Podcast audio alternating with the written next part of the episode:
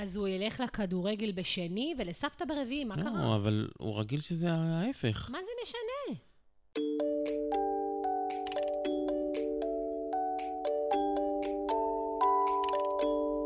טוב, לי יש הגיג. תגיגי. שגרה נועדה כדי לשבור אותה. מהמם. אז למה? יש כל כך הרבה דברים בדבר הזה שנקרא שגרה. זה, זה נותן המון ביטחון.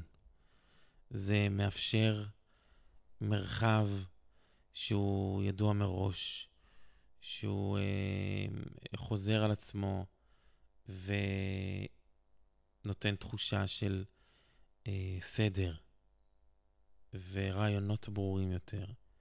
מכניס אותנו לתוך אה, איזשהן משבצות שלפיהן יותר קל לנו ללכת, בטח לילדים רגישים. אבל הוא לא מאפשר ספונטניות, הוא לא מאפשר הקשבה לגוף, הקשבה לחשק, זרימה עם השינויים הדינמיים הטבעיים שקורים בגוף, בנפש. זה לא, זה לא כזה קיצוני.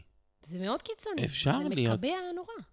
אנחנו מדברים על איזשהם עוגנים במהלך השבוע, על, על דברים שהם ברורים ו, ומובנים לנו. אה, לא יודע, בית ספר למי שהולך לבית הספר בשעות מסוימות, חוגים מסוימים, דברים שאני מתעורר אליהם בבוקר ואני יודע שהם אלה שמכוונים אותי אה, ליום הזה. ובתוך הדבר הזה, בוודאי שאפשר להיות אה, ספונטני. לא רק זה, גם בתוך הדברים הידועים והמוכרים, אותם עוגנים שאני מדבר עליהם, גם בתוכם הדברים יכולים לזרום ולהיות אחרת. אז שבירת השגרה הזאת שאת מדברת עליה יכולה להיות גם שם. אני לא מבטלת את הצורך בשגרה כדי לקבל ביטחון. אני רק אומרת שהשגרה היא אמצעי, היא לא הביטחון. מהמם. אני רק מבטלת את ההדרה והפתוס הזה שיש סביב השגרה כדבר, כאילו הוא הביטחון. כאילו בלי שגרה אין לי ביטחון. הרי, תשמע, שוש, אנחנו חיים בעידן, והעשור האחרון כנראה מביא לנו את זה לפרצוף, שמשתנה כל הזמן.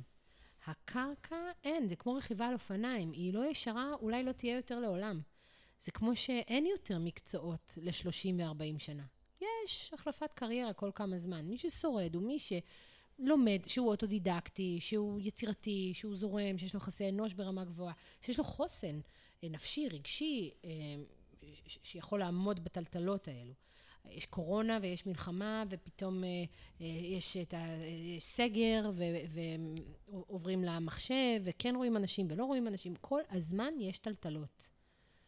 השגרה בעצם היא לא מקבע? שגרתית. לא, היא לא שגרתית. אין יותר, אין יותר אני, אני באמת חושבת שהמושג הזה חייב לקבל אה, הגדרה מחודשת. מחנכים אותנו מגיל אפס לזה ששגרה היא הדבר. בשעה הזאת יש ריכוז, ובשעה הזאת אוכלים, בשעה הזאת... אבל זה לא סתם. אני מבינה שזה לא סתם, ואני גם מבינה שזה נותן ביטחון. אני רק תוהה מה קורה לביטחון הזה כשמשתנה השגרה. אם היא זו שאחראית על הביטחון שלנו. בעוד אם היינו מדברים שנייה על ביטחון כמטרה, על חוסן כמטרה, על אה, יכולות ויצירתיות. אבל יכולות... זו המטרה. המטרה נשכחה. המטרה ליצור ביטחון. איך אנחנו יוצרים ביטחון לצורך העניין? קובעים איזושהי שגרה מסוימת. אוקיי, אבל אם באמת זו הייתה המטרה, ולא להקל על המערכת ולעשות סדר ולרבע אותם ועוד כל מיני דברים אחרים, אז למה למשל כולם אוכלים בשעה 11? מהמם. אתה מתרחק מהגוף שלך, מהבריאות שלך, איתך. ממנגנון רעב ושובע. יש באמת דברים שהם הם, אה, שהם צריכים להימחק. מצד שני, איך מערכת יכולה להתנהל ללא שגרה? זה לא שגרה, יש הבדל בין סדר, לוז, והדבר הזה שנקרא שגרה. כי שגרה זה איזשהו ריטואל שאתה מתעורר אליו בבוקר, אתה יודע מה הולך לקרות. אבל בתוך כל הדבר הזה, הלוז יכול להשתנות.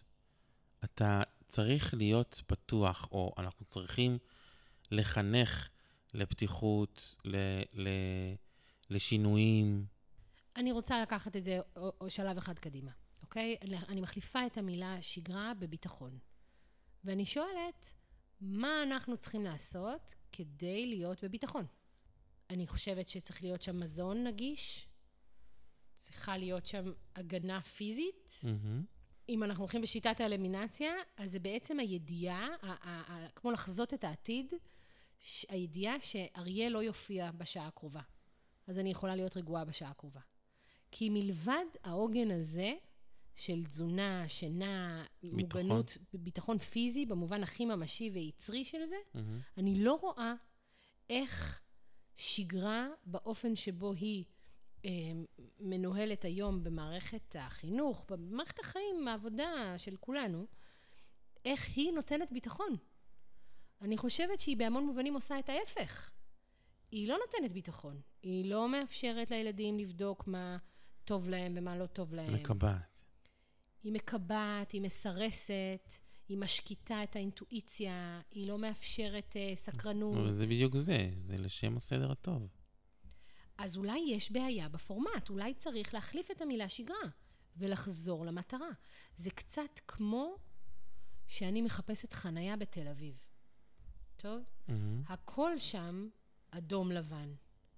אז אם אני מצליחה למצוא כחול לבן, זה אחרי שעה של חיפוש וריכוז במה זה אדום לבן ומה זה כחול לבן. ואז כשמצאתי, אני כל כך מבסוטה שמצאתי, שאני מחנה והולכת. ואני שוכחת שהמטרה הייתה בעצם לא לקבל דוח, ולכן אני צריכה לשים את הפתק חנייה. Mm-hmm. אני לא שמה ומקבלת דוח בקל. אז, אז זה בדיוק זה.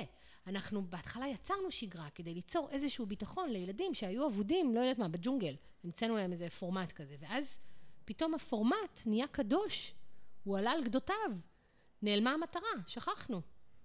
הרי אם נסתכל על זה כעל ביטחון, יש עוד דברים שנותנים ביטחון. בית, בית, פיזית. רגע, אני חושב שפעם, אולי הדבר הזה שנקרא שגרה היה הרבה יותר נחוץ. עכשיו שכשהעולם משתנה, כשהדברים מתקדמים בקצב מאוד מאוד גדול, באמת השינויים, אה, צריך להכיל אותם באופן אחר.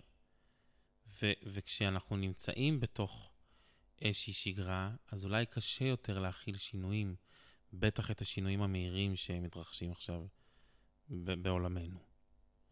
היכולת להכיל שינויים אה, בקלות, או, או להסתגל אליהם, או לזרום איתם, היא בעצם איזושהי יכולת סתגלתנות, או איזשהו חוסן שאפשר לגלות ולהמציא וליצור אצלנו בהכל חוץ משגרה. זאת אומרת, ברגע שיש שם ביטחון, השגרה הזו היא בהמון מובנים מסרסת ולא פותחת. קצת ביצה ותרנגולת. נכון, נכון, נכון. אז אולי בעצם השורה התחתונה היא שזה עניין מידתי, גם ההקפדה על השגרה וגם התוכן שבתוכה, ובעיקר בעיניי להזכיר מחדש את המטרה. אני מרגיש שהתיאורים שלך, הם לא יכולים להחזיק את החברה שאנחנו חיים בה. ההפך, החברה, אז זה בדיוק מה שאני רוצה להגיד, שהכל נשאר אותו דבר בחברה שאנחנו חיים בה, חוץ מהעולם שאנחנו חיים בו. ואז יש איזה חוסר התאמה. אנשים נופלים, נופלים לדיכאון, נופלים, נופלים לאבטלה, נופלים ל... כי מה? כי אין להם את הכלים להתמודד עם הקרקע המתפתלת הזו. כל הזמן קורה משהו. כל הזמן יש משבר. אז דווקא בגלל זה אני, אני אומר ההפך. כשאנחנו, כשיש לנו עוגנים ברורים, כשאנחנו יודעים אה, מה הולך לקרות לנו, כשאנחנו יודעים מה הלו"ז שלנו, כשאנחנו יודעים שיש לנו את המינימום הפתעות שיש שם. אבל אני טוענת שאלו הזה... לא החיים. בטח לא עכשיו, המודרניים. אלו לא החיים, ההפך המוחלט זה החיים. אז אם השגרה נועדה לתת ביטחון לילדים, לנו, אז כרגע התבלבלנו, נסחפנו עם השגרה לשם השגרה, לשם ההתעשרות, לשם הבייביסיטר, לשם הסדר הטוב, לשם האזרחים צייתנים, לשם מה, לא משנה רגע למה זה קרה. נוצר מצב שהשגרה היא כל כך מלאה בלהספיק, וקניות, והחוגים, והבית ספר, והוא צריך לדעת אנגלית, וצריך לדעת חשבון, וכמה הוא חיסר, והכל כאילו נורא נורא נורא ברור ושגרתי, ויש לו"ז ברור מה, באיזה שעה, ומתי, ומה התפקיד של מי, ששכחנו שהמטרה של כל זה הייתה בסופו של דבר לתת לילד ביטחון, כדי שכשהוא יגדל, יהיו לו כלים להתמודד עם העולם המשתנה הזה. ההפך המוחלט קרה. אנחנו יוצרים אנשים מאוד מקובעים, שברגע שלקחנו להם משהו, נפל עליהם עולמם. אם אתה שואל אותי איך אנחנו הולכים עכשיו לפשט את זה לפרקטיקה בשביל אנשים שנמצאים במעגל העבודה ונמצאים בבתי ספר, אז בעיניי קודם כל ההבנה של אה, קחו את השגרה בפרופורציות המתאימות לה. דווקא בגלל השינויים האלה שאת מתארת אותם כל הזמן, הדברים המשתנים באופן כל כך מהיר, אנחנו צריכים משהו ביטחון, יציב. תחליף, ביטח... יופי, זאת לא שגרה, אין, טכנית אין שגרה יציבה, אין. פתאום מגיע קורונה, אין בית ספר. אין, Mm-hmm. אין. פתאום יש מלחמה, אבל אין תראי בית ספר. איך מהר, כש, כשיש קורונה, פתאום אנחנו מהר מחפשים את השגרה. פתאום אנחנו מנסים את הצורך ליצור אותה. בביטחון, את הצורך בביטחון. נכון, ואת הצורך אז בל- אולי מספיק לשים את כל הביצים באותו השק. זה מה שאני אומרת. אני לא אומרת ששגרה אין לה ערך. גם לי יש שגרה בחיים שלי. אני שוב אומר, זה קצת ביצה ותרנגולת. מה, מה, מה, מה תופס את מה או מה נולד קודם? אוקיי, אז בואו נדבר על עוגנים אחרים שיכולים לתת ביטחון, והם לא שגרה. ואז נראה אם אפשר אולי להכניס אותם לתוך, במקום באיזושהי מידתיות, אל מול השגרה. תחושת השייכות. אוקיי. תחושת השייכות בעיניי, אה, שאני שייך לקבוצה מסוימת, שאני שייך למשפחה שלי, שאני שייך לקבוצת החברים שלי, לחוג שלי או לנישה כזו או אחרת, אני חושב שזה נותן המון ביטחון. כי אני לא לבד. יש עוד אנשים סביבי שלוקחים חלק בבעיות שנוצרות, בתהיות שעולות ובמחשבות ש...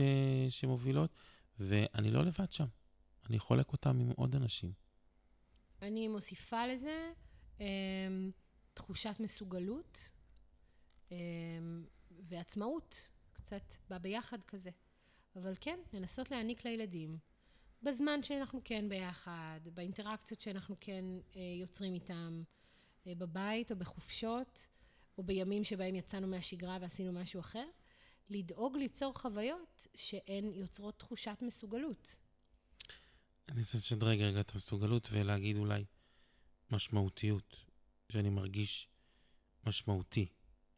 אה, זה נוגע ומשיק גם לשייכות שאמרתי קודם, אבל שאני, לא רק שאני חלק מחבורה מסוימת, שאני גם מרגיש שאני מועיל שם, שרואים אותי שם, שאני נותן חלק אה, מאוד גדול אה, בעשייה או ברעיון או ברעיונות שעולים בתוך הדבר הזה.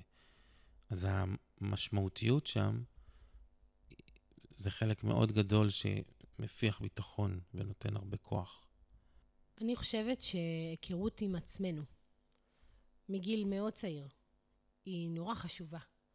אה, הרי בסופו של דבר אנחנו עם עצמנו, אה, ועצמנו זה מה שאנחנו נותנים לקבוצה, או מקבלים מהקבוצה אל עצמנו, כך שלפני הקבוצה ותחושת השייכות וכולי, או לא לפני, לא משנה, אבל אני במקביל, אה, היכרות עם עצמי. היכרות עם עצמי היא כרוכה ברגעים רבים של שעמום, היא כרוכה בחוויית כל קשת הרגשות, גם הפחות מחמיאים. היא קשורה להתנסויות, היא קשורה לפספוס וחוסר הצלחה והתמודדות עם כישלון. וברגע שילדים, ממש מינקות, זוכים, לא פחות מזה, זוכים, להתמודד גם עם הדברים האלו, אז בעצם אנחנו אמורים או צריכים לאפשר להם את המ- את המרחב הזה. אתה רואה? בשגרה כל כך מלאה וצפופה, אין זמן לחוות שעמום, למשל. אני חושב שאת לוקחת קצת את המושג הזה, ל... את עושה לו קצת עוול, ואת לוקחת אותו לאיזה משהו מאוד קיצוני. השגרה יכולה להיות נהדרת ואטרקטיבית ומעניינת ובריאה, ועדיין היא כל כך עמוסה ומלאה בכל טוב לשם העניין, ואין לילדים זמן להיות לבד, להיות עם עצמם, להיות בריק, להיות בלי מבוגר אחראי שיפעיל אותם, מה שגורם להם לא לדעת את עצמם, בין היתר.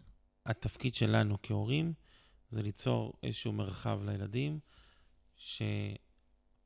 גורם להם להתנסות בדברים חדשים. אני לא יודעת אם זה התפקיד, זאת יכולה להיות הפרקטיקה. אני, אני חוזרת, התפקיד שלנו כהורים זה להגדיר מחדש את המטרה. המטרה היא לתת לילד ביטחון. שגרה זה Mhm. אחד מהאמצעים. זה לא האמצעי היחיד, והוא גם לא הכי חשוב, ולא ייתכן שהוא ייקח 24-7 מהחיים שלנו. אתה יודע, כל מי שלא אה, נמצא בחינוך ביתי, יכול לחשוב שהמשמעות של חינוך ביתי זה שהילדים בבית.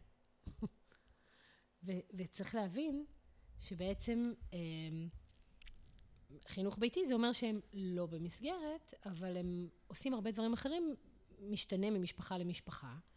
מה שמדהים אבל זה שבאמת הלו"ז והפניות שלנו לדבר הזה, מתוקף ההתחייבות לפורמט, אה, זה שאפשר באמת להיות הרבה יותר אה, יצירתיים ודינמיים, ופה פתאום להחליט שיוצאים לטייל איפשהו, ופה פתאום יוצאים לאיזה הרפתקה, שזה די מדליק ונחמד. אבל העוגנים הקבועים האלו במשך השבוע, גם אם אני מוותרת עליהם ומחליטה שעושים באיזשהו יום מסוים משהו אחר, הם באמת נורא חשובים לבית.